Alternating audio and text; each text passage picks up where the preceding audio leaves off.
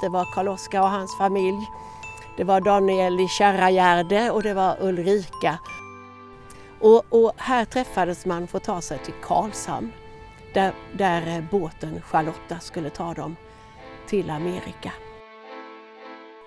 En svensk litteraturklassiker, Vilhelm Mobergs epos, som gjort avtryck i kulturen, debatten och i människors hjärtan i generationer.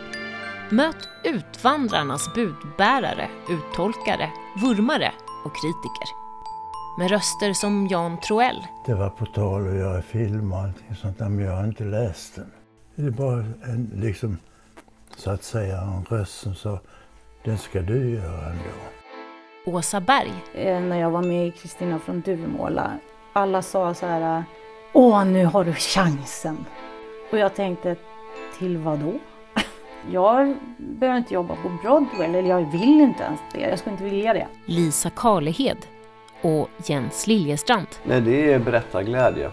Eh, Vilhelm Mobergs liv och personlighet präglades av en vilja till berättelser. Det är sant att det bodde svenskar vid Kichi-saga, men det bodde 16 personer i ett hus, inte mamma, pappa, barn. En ljudresa genom den småländska utvandrarbygden. Kan vi inte lansera nybyggarland eller nybyggarna för alla oss som kommer hit och satsar idag? Att, jag tror också det har lamslagit folk lite grann.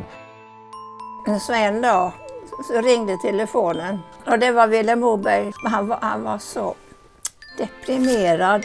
Det är ett kort som de har skickat från Amerika och de är ju 1, 2, 3, 4, 5, 6, 7. Lyssna till poddserien Ekot av utvandrarna, där poddar finns.